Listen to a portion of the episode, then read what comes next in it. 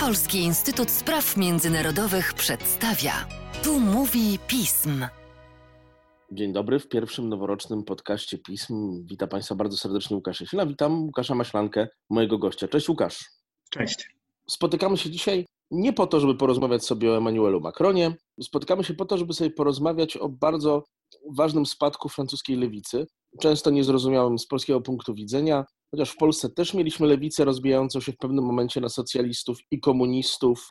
Chcę porozmawiać w setną rocznicę bardzo ważnego wydarzenia, jaki był kongres w Tours, którego właściwie można mówić o tym, że Francja zaczęła posiadać zupełnie odrębne dziedzictwa lewicy, choć jest to bardziej skomplikowane. Na czym dokładnie polegał kongres w Tours? Czy on był bardzo podobny do tych wszystkich europejskich kongresów, na których lewica się rozpadała i jednoczyła, czy też było to bardzo specyficznie francuskie wydarzenie?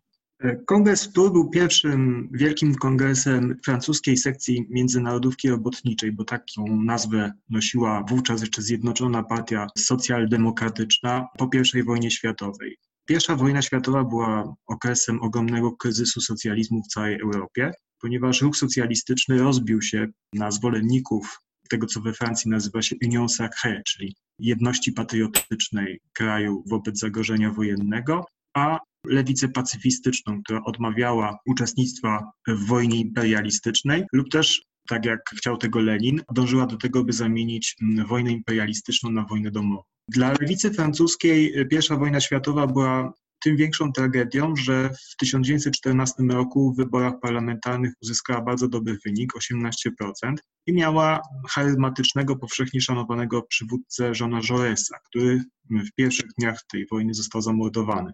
Niestety tej jedności lewicy francuskiej nie udało się e, przywrócić. Potem w 1917 roku nastąpiła podwójna rewolucja w Rosji i oczywiście lewica całej Europie musiała się jakoś ustosunkować do tych wydarzeń, które następowały w Rosji. W pierwszych wyborach parlamentarnych po I wojnie światowej przewagę we Francji zyskała prawica, która zaczęła prowadzić dość ostrą walkę z ruchem związkowym. Bo trzeba pamiętać o tym, że we Francji lewica to były najpierw związki zawodowe i idea strajku generalnego postulowana przez Georgesa Sorela. Natomiast partia socjalistyczna jako część międzynarodówki robotniczej wykształciła się mniej więcej 10 lat po największej organizacji związkowej CGT.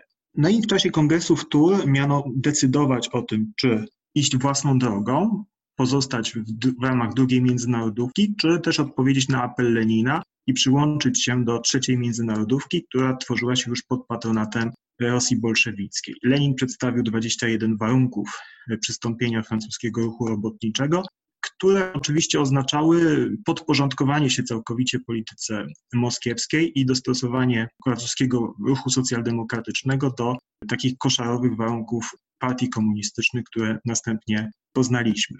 No i e, w czasie kongresów Tours wykształciły się takie trzy główne stronnictwa. Pierwsze, większościowe, było mm, zdecydowanie zwolennikiem tego, by wejść do mm, międzynarodówki tworzącej się pod patronatem Rosji bolszewickiej.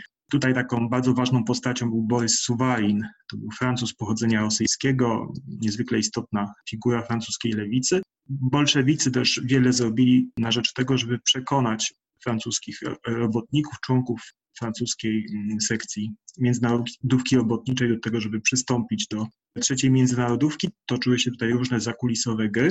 No i stronnictwo mniejszościowe pod przewodnictwem Leona Bluma, później wielkiej postaci francuskiego socjalizmu, które było zwolennikiem tego, żeby iść własną drogą. No i doszło w czasie tego kongresu do rozłamu i z tego rozłamu powstała francuska sekcja międzynarodówki komunistycznej, czyli przyszła francuska partia komunistyczna oraz tak zwany Stary Dom, czyli francuska sekcja międzynarodówki robotniczej, z której następnie wykształciła się partia socjalistyczna. Ponieważ partia komunistyczna od samego początku rządziła się w sposób dyktatorski, to dochodziło w niej do nieustannych rozłamów. I tak pierwszym rozłamowcem był wspomniany wcześniej Borys Suwarin, który odegrał tak ważną rolę w powstaniu francuskiej partii komunistycznej. Później on stał się bardzo znanym publicystą, pisarzem i też demaskatorem dyktatorskich metod y, komunizmu. I ten rozłam trwał w zasadzie aż do połowy lat 30., kiedy to doszło do tak zwanego frontu ludowego. Lewica wygrała wybory i y, wspólnie przez kilka lat rządziła, doprowadziła do bardzo ważnych reform socjalnych. Sytuacja podczas wojny i po wojnie też była różna. Dochodziło do kolejnych relacji między socjalistami a, a komunistami. Zdaje się, że chyba ostatnia taka forma koalicji nastąpiła, czy też miała nastąpić na początku prezydentury François Mitterranda? Nie. Komuniści znaleźli się w rządzie także w 1998 roku, za czasów, kiedy premierem był Lionel Jospin. Rzeczywiście ten eksperyment za czasów Mitterranda był taki znacznie głośniejszy, ponieważ do sojuszu pomiędzy socjalistami a komunistami doszło już na początku lat 70.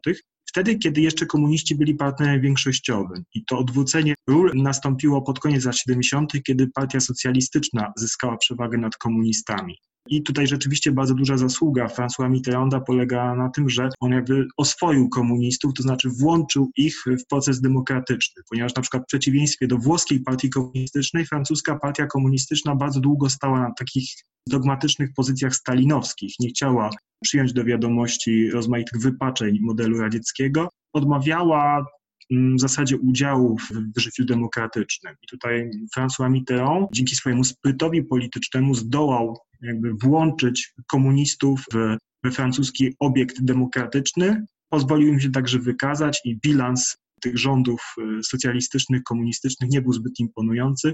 To też już w 1984 roku doszło tutaj do rozłamu i socjaliści dalej sprawowali rządy sami. Jak potoczyło się losy francuskiej partii komunistycznej po roku 1990? Bo tutaj znowu będzie to chyba tak jak przed chwilą mówiłeś, inaczej wyglądało niż we Włoszech, gdzie ta eurokomunistyczna partia przeobraziła się w partię demokratycznych socjalistów, stała się elementem różnych socjaldemokratycznych koalicji. Nie słyszymy za bardzo o działalności francuskiej partii komunistycznej e, na takiej szerokiej scenie po roku 1990.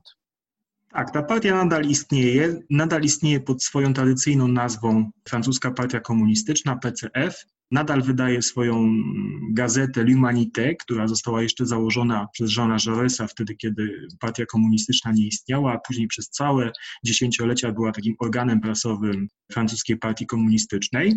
Dzisiaj jest to partia ciesząca się poparciem 2-3% obywateli, ale posiadająca silne zakorzenienie w kilku regionach Francji. Są to przede wszystkim przedmieścia robotnicze dookoła Paryża. Tutaj takim symbolem było, było przedmieście Saint-Denis, gdzie komuniści posiadali stanowisko mera w zasadzie od końca II wojny światowej aż do tego roku, kiedy po raz pierwszy przegrali tam wybory, a także w niektórych obszarach wiejskich. Tutaj tak trochę żartobliwie mógłbym powiedzieć, że PCF pełni tam taką rolę, jaką u nas pełni PSL, czyli e, mhm. no, takiej zakorzenionej lokalnie partii reprezentującej interesy rolników. Jest to partia o poparciu bardzo mniejszościowym, niszowym, można powiedzieć nostalgicznym, ponieważ została zmarginalizowana przez radykalną lewicę e, Jeana-Luc'a Mélenchona, który zbiera te e, głosy lewicy antyglobalistycznej, lewicy zbuntowanej przeciwko kapitalizmowi robi to znacznie skuteczniej niż PCF. To, co jest pewnym takim atutem PCF, to jest jednak posiadanie swojej elity intelektualnej, zwłaszcza w środowisku nauczycielskim, w środowisku historyków, gdzie jest, można powiedzieć, partia bardziej świadoma ideologicznie. Ale pytanie, czy taka świadomość ideologiczna to jest oczywiście taka prawdziwa zaleta w świecie zdominowanym przez przekaz telewizyjny i mm, internetowy, to to już jest pytanie. No właśnie, mówiłeś nam o tym, jak wygląda francuska partia komunistyczna, to może jak już mówimy o tych wszystkich spadkobiercach Jeana Jauresa i tego, co się zdarzyło kiedyś we Francji, w ogóle pytanie o, o szansę francuskiej lewicy, która także w naszej świadomości za bardzo nie funkcjonuje w tej chwili jako jakaś ważna siła we Francji. A czy jest różnie? Przecież nominalnie z tej lewicy wywodzi się prezydent Macron. Tak, chociaż Macron zawsze pełnił rolę takiej osoby, która została powiedzmy dokooptowana ze względu na swoje kompetencje ekonomiczne, a nie, nie była to osoba, która miała kiedykolwiek jakieś takie przekonania silne lewicą. Lewica w tej chwili znajduje się w klinczu, to znaczy teoretycznie cieszy się poparciem około jednej trzeciej Francuzów, ale to równie dobrze można powiedzieć, że też jedna trzecia Polaków ma sympatie lewicowe, a jakoś nie przekłada się to na siłę lewicy w Polsce. Są cztery główne formacje w tej chwili na francuskiej lewicy. Najważniejsza w ostatnich latach to jest Partia Zielonych, która zdobywa bardzo dobre wyniki w wyborach europejskich, w wyborach samorządowych, ale jej perspektywy w wyborach parlamentarnych, a tym bardziej w wyborach prezydenckich są bardzo mgliste ze względu na to, że partia ta po pierwsze nie posiada osobowości, które dawałyby nadzieję, że staną się mężami stanu, a po drugie nie posiada programów w takich kluczowych dziedzinach zarządzania państwem, jak bezpieczeństwo, sprawy zagraniczne. Można powiedzieć, że jest to partia na tym samym etapie rozwoju, jakim byli niemieccy zieloni w latach 70. Jest tradycyjna partia socjalistyczna, posiadająca wielu zdolnych, charyzmatycznych polityków, ale no nie ciesząca się poparciem Francuzów. W tej chwili to poparcie utrzymuje się na poziomie kilku procent, ale gdyby poważnym atutem partii socjalistycznej jest to, że posiada stanowisko mera Paryża, zajmuje je charyzmatyczna polityczka Anne Hidalgo i rzeczywiście, gdyby to ona była kandydatką w wyborach prezydenckich, to miałaby szansę w tych wyborach zamieszać. No i oprócz tego są jeszcze dwie inne partie, czyli wspomniana już partia Mélenchona, Francja nieujarzmiona, La France Insoumise, która jest taką, takim uosobieniem lewicy populistycznej, antyglobalistycznej, radykalnej, ale niezbyt mocno zakorzenionej ideologicznie. No i wreszcie ta niszowa partia komunistyczna i jeszcze inne ruchy komunistyczne trockistowskie, które już zajmują mają takie poparcie w granicach błędu statystycznego zupełnie. Perspektywy zjednoczenia tego ruchu lewicowego są bardzo niewielkie i to w zasadzie blokuje lewicy drogę do ponownego zdominowania francuskiej sceny politycznej, co było możliwe jeszcze kilka lat temu, kiedy no, bardzo silną pozycję zajmowała partia socjalistyczna. Kryzys partii socjalistycznej jakby zamknął na razie drogę lewicy do rządzenia Francją. Nawet do ewentualnej walki w wyborach prezydenckich mówiłeś o pani Mary Hidalgo, o sobie o bardzo dobrym lewicowym życiorysie, bo to przecież albo imigrantka, albo potomkini imigrantów jeszcze z robotniczym backgroundem. Może ktoś rzucić Emmanuelowi Macronowi z lewicy wyzwanie, czy też raczej jest to dyskusja czysto akademicka? W partii socjalistycznej jest więcej osób, które miałyby ambicje prezydenckie i to też jest problem Anne Hidalgo, to znaczy ona może mieć największe szanse żeby zdobyć dobry wynik wśród Francuzów, ale niekoniecznie ma największe szanse, żeby zostać kandydatką mhm. swojej własnej partii, ponieważ no, jest tam jeszcze więcej osób z ambicjami, chociażby Martine Aubry, która jest taką bardzo silną prezydentką regionu miasta Lille, przepraszam, merem miasta Lille. E, zajmuje tam na północy Francji dość silną pozycję. Są też jeszcze inne osoby.